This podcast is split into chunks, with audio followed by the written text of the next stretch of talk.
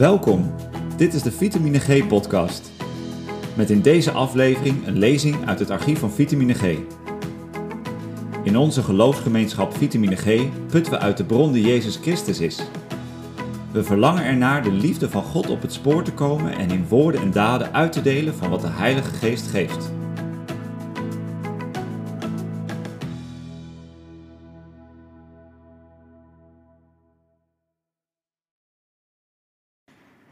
Ja, vandaag gaan wij een gedeelte lezen uit de Bijbel, uit de eerste Johannesbrief. Uh, maar voordat we dat gaan doen, geef ik een klein beetje achtergrond. De brief is geschreven in de eerste eeuw na Christus in een, aan een gemeenschap ergens in Klein-Azië, ongeveer ter hoogte van waar nu Turkije is.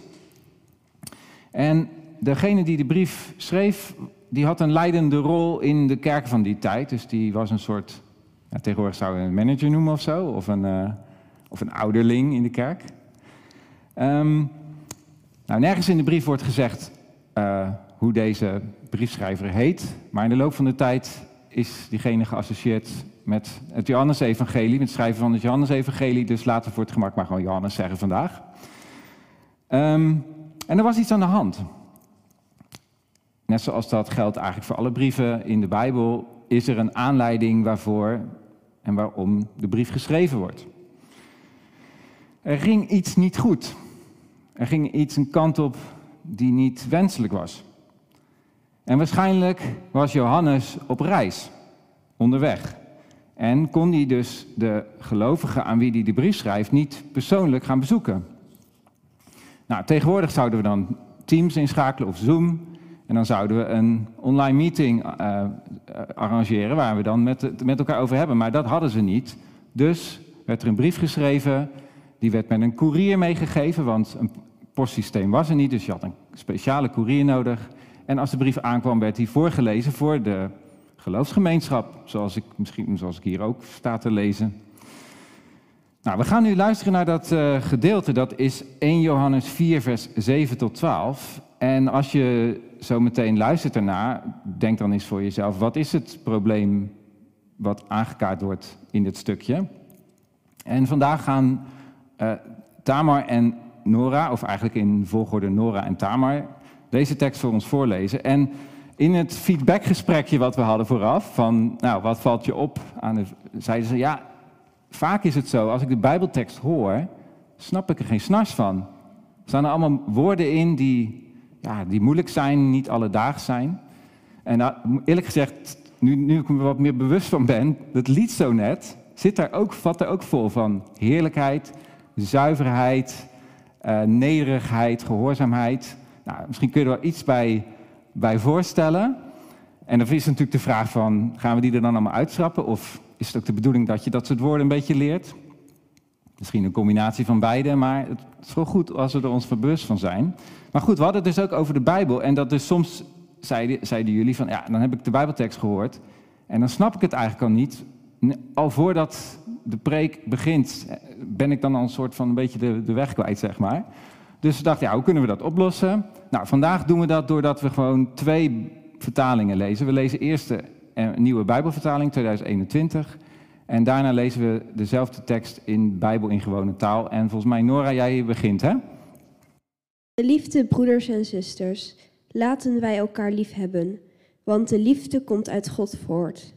Ieder die lief heeft, is uit God geboren en kent God. Wie niet lief heeft, kent God niet, want God is liefde. En hierin is God lief, Gods liefde ons geopenbaard. God heeft zijn enige zoon in de wereld gezonden, opdat we door hem zouden leven. Het wezenlijke van de liefde is niet dat wij God hebben liefgehad, maar dat Hij ons heeft liefgehad en Zijn Zoon heeft gezonden om verzoening te brengen voor onze zonden. Geliefde broeders en zusters, als God ons zo heeft liefgehad, moeten wij elkaar ook lief hebben. Niemand heeft God ooit gezien, maar als we elkaar lief hebben, blijft God in ons en is Zijn liefde in ons tot volmaaktheid gekomen. Lieve vrienden, wij moeten elkaar lief hebben, want de liefde komt van God. Iedereen die lief heeft, is een kind van God en kent God. Wie niet lief heeft, kent God niet, want God is liefde. God heeft zijn liefde aan ons laten zien door zijn enige zoon naar de wereld te sturen. Dankzij zijn zoon krijgen wij het eeuwige leven. De liefde komt van God. God had ons al lief voordat wij hem lief hadden. Omdat God ons lief had, heeft hij zijn zoon naar de wereld gestuurd. Door zijn zoon worden onze zonden vergeven. Vrienden, omdat God zoveel van ons houdt, moeten wij ook van elkaar houden. Niemand heeft God ooit gezien. Maar als wij van elkaar houden, blijft God in ons. Dan is zijn liefde in ons volmaakt geworden. We gaan vandaag met name stilstaan bij wat in vers 12 staat. Niemand heeft God ooit gezien, maar als we elkaar lief hebben, blijft God in ons en is zijn liefde in ons tot volmaaktheid gekomen. Zo staat het ook ongeveer in de Bijbel in gewone taal. Ja, wat is het dat deze schrijver van deze brief, Johannes, dwars zit? Wat is het probleem wat hij wil aankaarten, wil corrigeren? Nou, ik denk dat we het als volgt zouden kunnen samenvatten. Als je echt serieus bent over God, over geloven in God, heb elkaar dan lief. En niet iedereen van jullie doet dat. Het klinkt vrij simpel en voor de hand liggend. Heb elkaar lief. Het is geen hogere wetenschap. Heb elkaar lief. Het is je doel, het is je opdracht. Want God heeft ons lief gehad. En dat heeft Hij getoond door de komst van zijn Zoon Jezus Christus. Maar de realiteit is, zo was het toen en zo, het, zo is het nu vaak ook, dat we eraan herinnerd moeten worden. Aan dat elkaar lief hebben. Want bewust of onbewust kunnen we soms andere ideeën ontwikkelen. Of kunnen we vergeten dat waar het leven eigenlijk om draait en waar God eigenlijk om draait. Het elkaar liefhebben. Of het nu gaat om onze relatie met vrienden, geliefden, familie, ouders, kinderen, klasgenoten, buren. Soms kunnen we zo in beslag genomen zijn door andere dingen of door andere gedachten, dat er weinig ruimte is voor dat ene uniek belangrijke. Heb elkaar lief. En hoe zat dat eigenlijk met die geloofsgemeenschap waaraan deze brief wordt geschreven? Wat was dan de aanleiding dat dit specifiek genoemd moest worden, dat zij eraan herinnerd moesten worden? Sommigen waren heel druk met God. Althans, dat dachten ze. Er was onder hen een groep mensen die een verstoord idee hadden opgevat over de vraag hoe je God kon leren kennen. Ze dachten dat geloven in God betekent dat je een soort geheime, verborgen kennis, wijsheid moet ontdekken. En als je dat ontdekt, dat je dan als mens verlicht kan worden. Dat het allemaal draait om een soort verborgen wijsheid, verborgen kennis.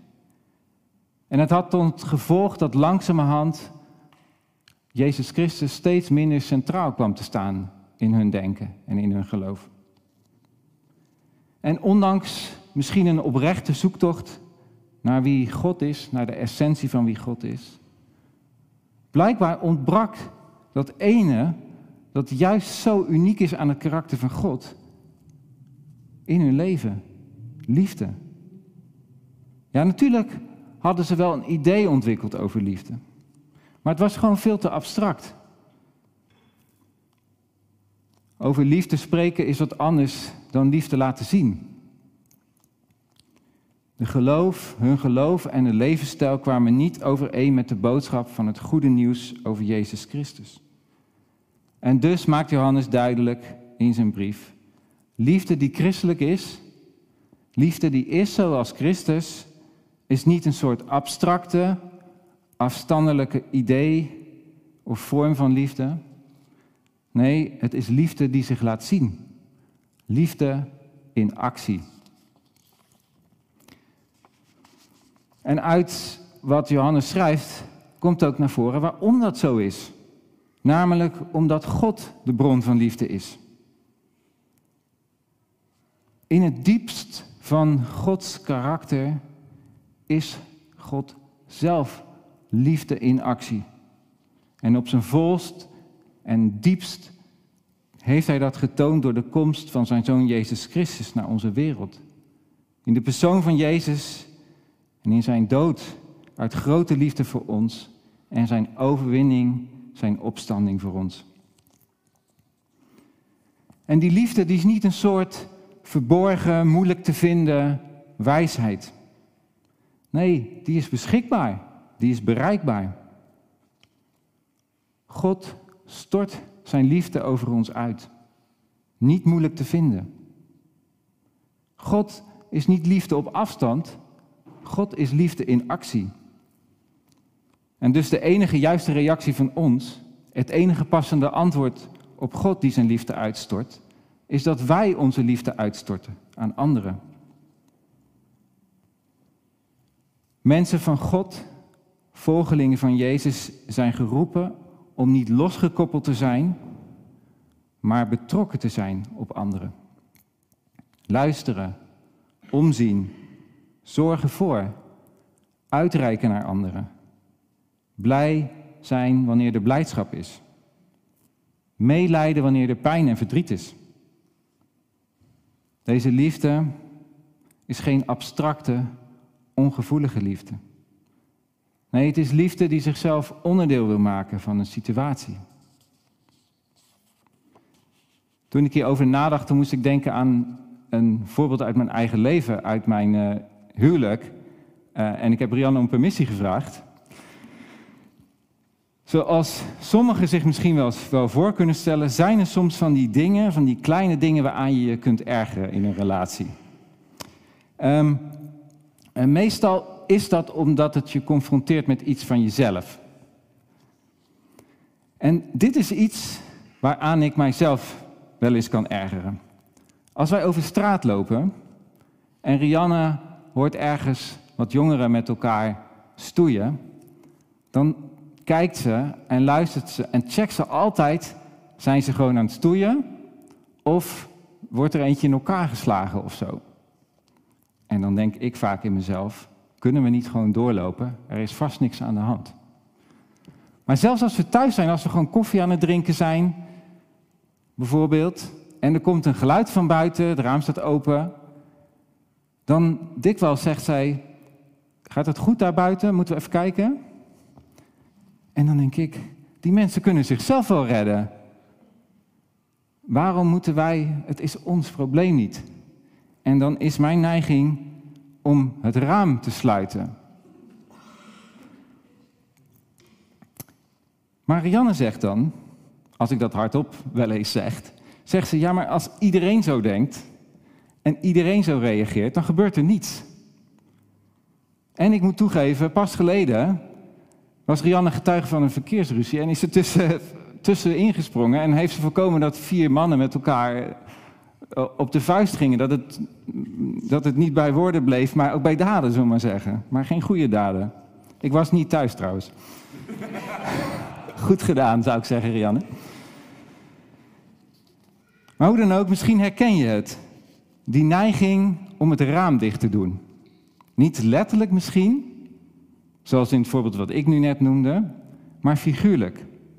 Het raam dicht te doen. Het raam van je hart, de ramen van je leven. Als er iets van buiten komt waarmee je misschien iets zou kunnen of misschien iets zou moeten. Misschien herken je het ook niet, zeg je, mijn, mijn raam staat altijd open. Het zou kunnen. Of op het ene gebied open en op het andere gebied gesloten. Maar dit Bijbelgedeelte herinnert er mij weer aan dat we geroepen zijn om mensen te zijn die betrokken zijn. En dat kan je natuurlijk op verschillende manieren doen. Betrokken te zijn, ook als het niet uitkomt. Het raam letterlijk en figuurlijk open te zetten. God leren kennen is liefde omzetten in actie. Nou, daar ga ik niet veel langer over praten. Maar één ding wil ik nog wel noemen wat mij opviel in de tekst. Gerelateerd aan waar we het nu over hebben. Het staat in vers 12. Wat we net ook lazen, niemand heeft ooit God gezien, maar als we elkaar lief hebben, blijft God in ons en is zijn liefde in ons tot volmaaktheid gekomen. Ik vertelde dat er onder de gelovigen waar Johannes aan schrijft een stroming is die was die zich toelegde op de vraag hoe kun je God kennen? En die uitkwamen op het antwoord dat het over een geheime wijsheid zou gaan, een geheime kennis. En Johannes die reageert daar eigenlijk heel zwart-wit op, die stelt zich lijnrechter tegenover en die zegt, niemand heeft ooit God gezien. Nou, daar zou je van alles tegen in kunnen brengen. Bijvoorbeeld zeiden we in ons voorgesprek, Mozes, hè, Mozes heeft eh, oog in oog met God. Um, en hoe zit het dan bijvoorbeeld met de Bijbel? Daar openbaart God zich toch in. En zeker ook in Jezus, daar is God in uh, geopenbaard en, en door zijn geest en zo. Ja, dat is allemaal waar en dat staat ook niet haaks op wat er in deze brief staat. Maar tegelijkertijd is het ook wel zo dat er heel veel dingen zijn van God die we niet zien. Die we niet kunnen begrijpen. Of dingen van het leven die we soms niet zien en soms niet kunnen begrijpen. En het is dan op zich ook eigenlijk bemoedigend dat die ervaring van het dat ook niet altijd God helemaal kunnen begrijpen en kunnen weten, dat dat ook erkend wordt in de Bijbel. Dat we soms ook vragen kunnen hebben en dat die er ook mogen zijn en moeten zijn. Maar het punt van vandaag gaat over wat er staat in het vervolg van vers 12. Maar als we elkaar lief hebben, blijft God in ons en is zijn liefde in ons tot volmaaktheid gekomen. Wat er staat is eigenlijk heel uh, verbazingwekkend en heel verrassend. Ook al heeft niemand ooit God gezien, als we elkaar lief hebben, zien we Hem wel. Door elkaar lief te hebben, zien we God. Dat is een onwijs grote belofte. Een belofte dat het door elkaar lief te hebben God zich laat zien.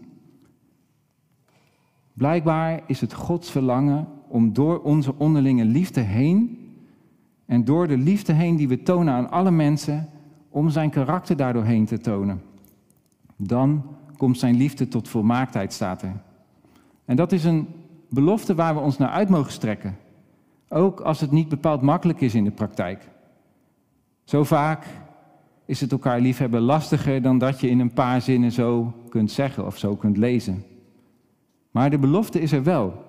Dat God door de onderlinge liefde tussen mensen laat zien dat Hij een levende realiteit is. Ook als de omstandigheden pittig zijn. Elkaar liefhebben. Liefde in actie. Het is een voorproefje krijgen op Gods geweldige toekomst. Amen.